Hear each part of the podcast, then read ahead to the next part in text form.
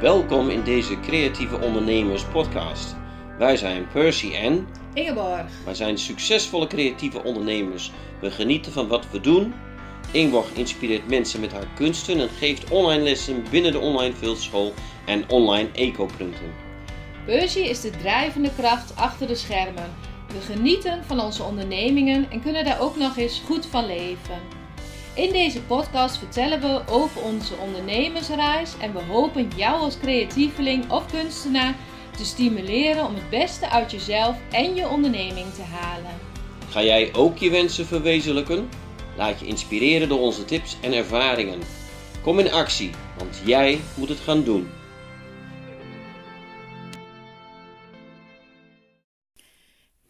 Goedemorgen, welkom bij deze podcast. En vandaag gaan we het hebben over je werk verkopen. Ja, je werk verkopen.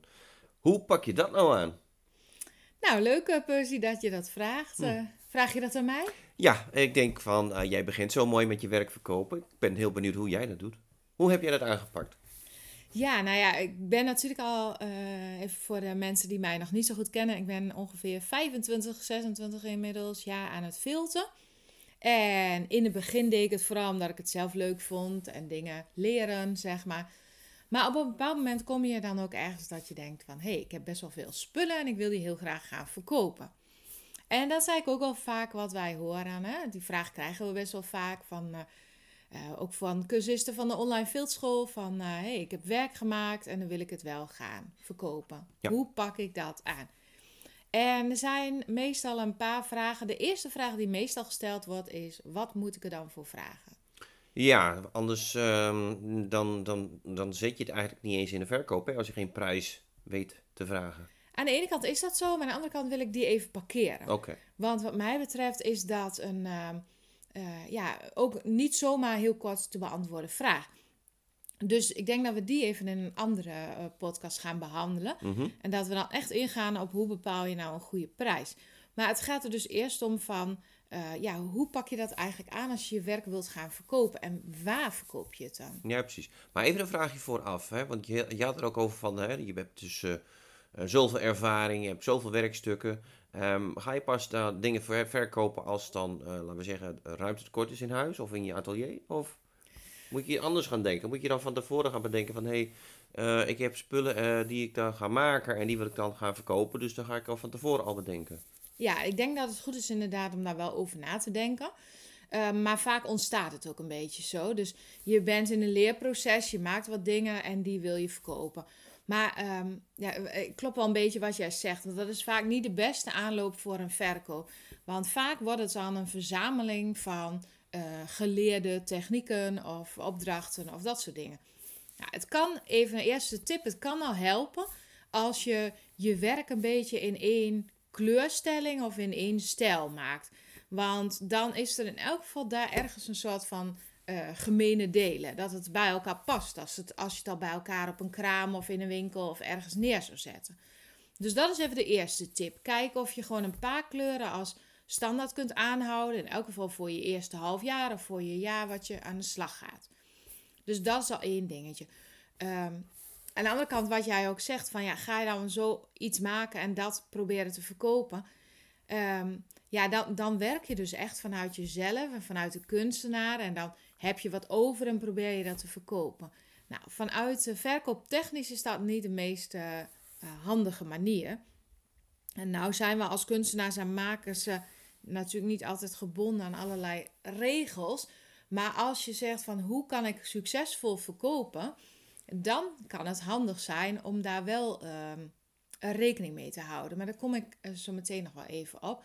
Van hoe maak je nou een collectie die ook succesvol is? Want dat, dat is ook nog weer een, eh, een, een, eh, hoe heet dat? een, een aandachtspunt op zich. Ja.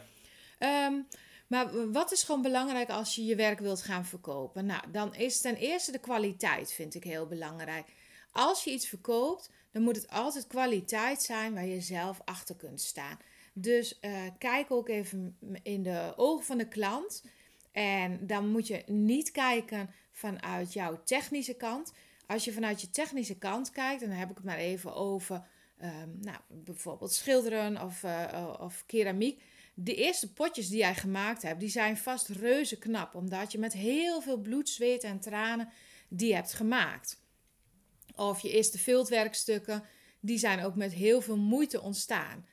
Maar die klant, die loopt langs jouw kraam of langs de winkel waar het staat.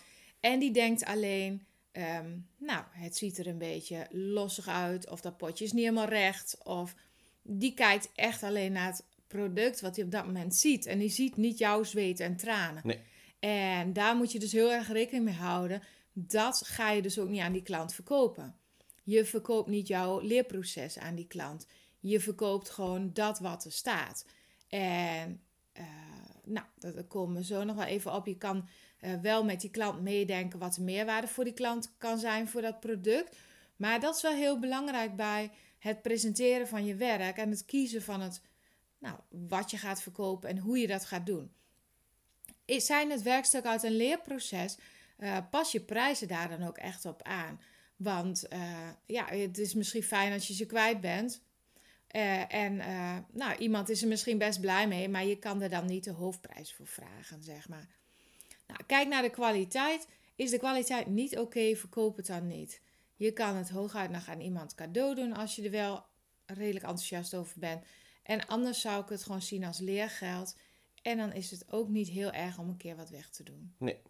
Dus dat is even, kwalificeer jezelf. Maak, uh, wees kritisch waar, waar je voor wilt staan. Dat zou ik echt zeggen. Dus het is niet echt heel representatief als je inmiddels drie jaar bezig bent en je werkstukken van, uh, van de eerste maanden, die staan er ook nog bij naast, bij wijze van. Omdat niemand ze wil kopen. En misschien moet je dan zelf even nadenken waarom niemand ze wil kopen. Dus dat even eerst om mee te geven. Um, nou, hoe bied je het aan? Uh, dat zei ik net al een beetje, dat het er goed uitziet. Maar ook de presentatie van je werk. Dus is het netjes afgewerkt? Is het recht? Uh, klopt het? Uh, ziet het er gewoon netjes uit? Um, ik heb wel eens gezien, bijvoorbeeld, als ik het heb over filten, mensen die sloffen hebben gemaakt en ze dan op laten drogen met allerlei rare kreukels erin. Ja, dan, dan ziet het er gewoon niet perfect uit. Dus als je het dan netjes laat drogen en je, je uh, zet het met wat vulling erin weg en je maakt het mooi strak, dat ziet er al heel anders uit. Ook een sjaal bijvoorbeeld, als je die gaat strijken en persen voordat je hem te koop aanbiedt, dan ziet hij er gewoon veel mooier uit. Met schilderijen kun je daar natuurlijk ook over nadenken. Welke lijst doe je eromheen? Uh, hoe kan iemand het gebruiken? Nou, laatst hadden we het ook met een van onze klanten over. Het verkopen van uh, windlichtjes bijvoorbeeld, of andere kleine artikelen. Uh, soms denken mensen, ja, het ziet er leuk uit, maar wat moet ik er dan mee? Mm -hmm. Wat ga ik ermee doen? En dan is het heel belangrijk om de klant een beetje te helpen daarin. Um, want wat zou jij met een windlichtje doen, Percy? Nou ja, uh, als we dan, zoals we nu praten, hè, richting de donkere dagen voor kerst en eigenlijk uh, de kerstdagen op zich. Um, windlicht uh, geeft licht, zoals het eigenlijk ook, zoals het ook, ook hoort in de naam. Um, maar hij is dan eigenlijk een beetje helemaal in zijn uppie. Je zou hem eigenlijk moeten gaan vergroten. Je zou hem eigenlijk gewoon een podium moeten gaan geven. En een podium, daar bedoel ik eigenlijk een beetje mee. Um, als je een windlicht op tafel zet, dan staat hij dus ja, te zijn en nauwelijks op te vallen. Um, zorg ervoor dat je dan een, een, een, een soort van schaal hebt waar die op kan staan. Waar je hem verder gaat uh, versieren met bijvoorbeeld kerstballen of wat, wat glitterdingetjes enzovoort. Hè. Dat geeft dus gewoon een veel meer body aan het geheel. En echt zo'n pronkstuk wat je op tafel kunt plaatsen. Dus inderdaad, hè, je werkstuk is heel belangrijk, maar de wijze waarop je het verkoopt, ja, dat is ook nog belangrijker, want mensen willen dus um, vaak ook wel een soort van kant-en-klaar iets hebben. Uh, wat, wat hebben we dan vaak met kerst? Dan hebben we van die, um, hoe noem je dat? Van die kerst, uh, kerststukken. kerststukken. Nou, als je dan een windlicht uh, kunt gebruiken als kaars, hè, dus in plaats van een kaars. En je gaat daar dus een, een kerststuk van maken. Ik denk dat je daar veel meer verkoopt. Ja, of een kerstdecoratie in elk ja. geval. Want um, zou jij één windlichtje kopen? Nee, nee. En, uh, en zou jij een ingepakt cadeau met alles ja. erop en eraan kopen? Ja, want stel je, je kunt het ook voor jezelf kopen, maar je kunt dus als cadeau kopen voor iemand anders. En um, het, het staat er echt gewoon heel mooi als je dan uh, binnenkomt met zo'n mooie schaal, met zo'n mooi stuk. Ja, en dan denk je dus echt vanuit die klant. Want, uh, nou ja, zoals je hoort, hè, je zou Percy niet zomaar een windlichtje kunnen verkopen. Maar hij zou wel een pakket ingepakt en al, uh, als cadeausuggestie, zou die kunnen kopen. Ja. En dat kan die kopen voor uh, uh, nou, iemand die, die uh, iets wil bedanken. Of ja. waar die misschien afscheid van neemt. Of zoiets. Hè? Dan, dan heb je gewoon een cadeau. ja, maar het, het, is ook een cadeau die dus door, um, laten we zeggen, meerdere mensen gewaardeerd zou kunnen worden.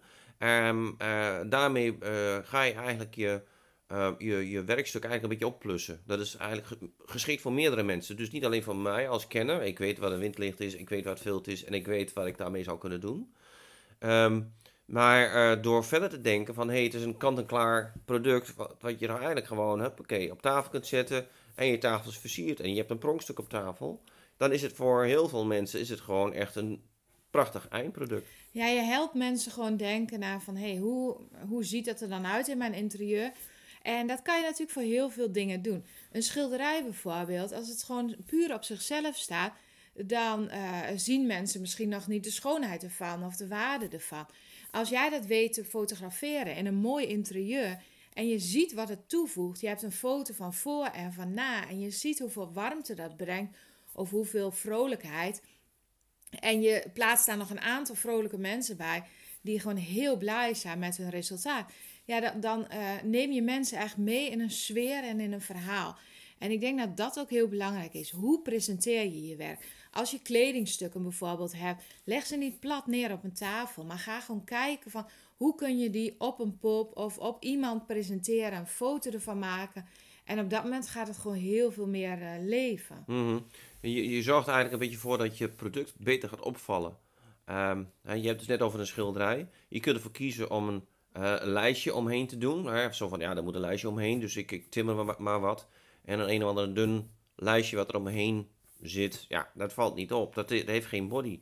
Maar geef dus echt zo'n schilderij uh, een mooi, uh, groot aanwezige lijst. Dan heb je me eigenlijk meer waarde gegeven, omdat je hem waardevol genoeg vindt om ook zo'n lijst te geven. Dus en... dan krik je eigenlijk ook gewoon de aanwezigheid op van je lijst. En je gaat hem echt heel mooi presenteren. Ja, en dan mag je die prijs, want heel veel mensen zijn er dan misschien wat uh, gaan daarop beknibbelen. Ja. Zo van, hé, hey, dan kost dat geld.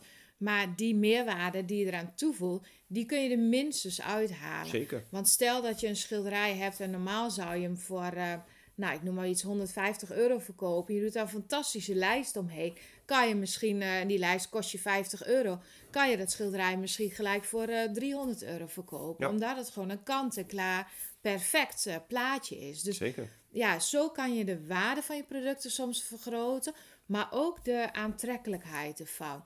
En daar hoef je dus niet heel veel anders voor te doen. Maar daar moet je het wel uh, ja, goed over nadenken. En vanuit die klant denken. Dat is denk ik heel belangrijk. Nou, we hadden het net al over van een verzameling aan spullen. Wil je nou echt een goede uh, uh, naam maken? Jezelf echt als kunstenaar presenteren met een bepaalde stijl? dan is het heel belangrijk om daar een plan voor te maken. En goed, heel goed na te gaan denken van hoe wil ik naar buiten komen, met welke techniek, met welke eigenheid. En uh, ja, dan is het goed om daar gewoon echt een, ja, misschien een concept van te maken. En daarmee aan de slag te gaan. Nou, over een concept daar hebben we het misschien al een keer gehad. En dan zullen we het later misschien nog wel eens een keer over hebben. Dat gaat te ver om dat nu uit te leggen. Um, maar dat is over je werkstuk zelf. En verder kun je kijken naar uh, samenwerkingsmogelijkheden. En ja, dat kun je op heel veel manieren doen. En samenwerking bedoel ik meer van dat jij het niet zelf verkoopt, maar dat het op andere manieren verkocht wordt. En dat zou bijvoorbeeld kunnen in een galerie. Je kan het ergens te koop hangen, in een boutique bijvoorbeeld. Je kan uh, naar een kerstmarkt of zo uh, gaan of naar een gelegenheid. Maar soms gaan die ook niet door. En het allerbelangrijkste verkooppunt, dat ben je eigenlijk zelf. Ja, ja, dat klopt. Maar dan komen we weer eigenlijk terug op een andere podcast die we hebben uh, opgenomen. En dan gaat het even over van hoe zichtbaar ben je zelf. Uh, dus daar zit altijd weer een beetje een soort van spagaat in. Van ben je zelf niet zichtbaar, ja, dan zullen je producten ook niet zichtbaar zijn. ga je in samenwerking aan met een partij die dus eigenlijk gewoon alle dagen van de week bezig is met het verkopen van dingen. waardoor dus heel veel mensen de locatie ook weten te vinden. als je daar je producten kunt plaatsen, ja, dan heb je al een gegarandeerd publiek. Ja, en dan is het wel de kunst om de goede doelgroep te vinden. En uh, nou, de, ja, dat zijn dingen die kunnen we ook nog wel eens een keer gaan behandelen. Want dat is ook echt wel heel interessant om daarover te hebben. Maar in eerste instantie uh, zou ik je aanraden, ga eerst eens kritisch naar je eigen product kijken. Ga kijken of je de meerwaarde kan vergroten. Ga kijken of je vanuit die klant kunt denken. En uh, daarna ga je kijken van waar zou mijn product passen. En vanaf dat punt kan je kijken naar, ga ik dat dan zelf verkopen of ga ik een geschikte locatie zoeken? Nou, en hoe je dat dan aanpakt met prijzen en dat soort dingen, dat gaan we in een andere podcast bespreken. Um, dus voor nu eerst uh, ga eens kritisch naar jezelf kijken. En nou, de tip die we hadden over het zelf verkopen. Als je zelf maar heel veel en heel enthousiast aanwezig bent, laat zien wat je doet in dat product, met dat product. Uh, het gewoon heel regelmatig op je eigen Facebook of Instagram. En dan krijg je automatisch een groter bereik.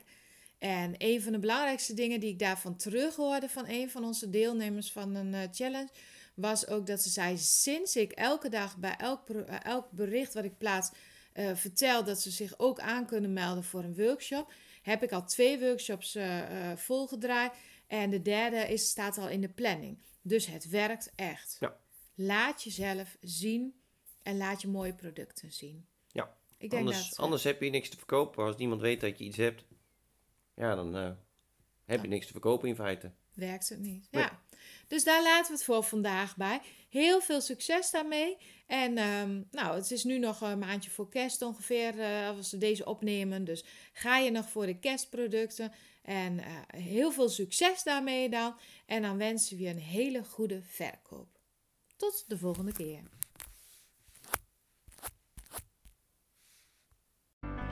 Bedankt voor het luisteren naar deze podcast. We hopen dat je weer geïnspireerd aan je creatieve onderneming gaat werken. Want wensen komen niet vanzelf uit. Die kun je zelf verwezenlijken door duidelijke doelen, door erin te geloven en door structuur en focus aan te brengen. Wil je daar wat ondersteuning bij? Een mentor die met je meekijkt en je aanmoedigt? Wil je onderdeel zijn van een netwerk van creatieve ondernemers? Kijk dan even op de site decreatieveondernemers.nl. We helpen je graag je wensen te verwezenlijken. Ben je geïnspireerd door deze podcast? Geef ons dan een 5 sterren review en delen met anderen, zodat we nog meer mensen mogen inspireren om hun wensen werkelijkheid te laten worden.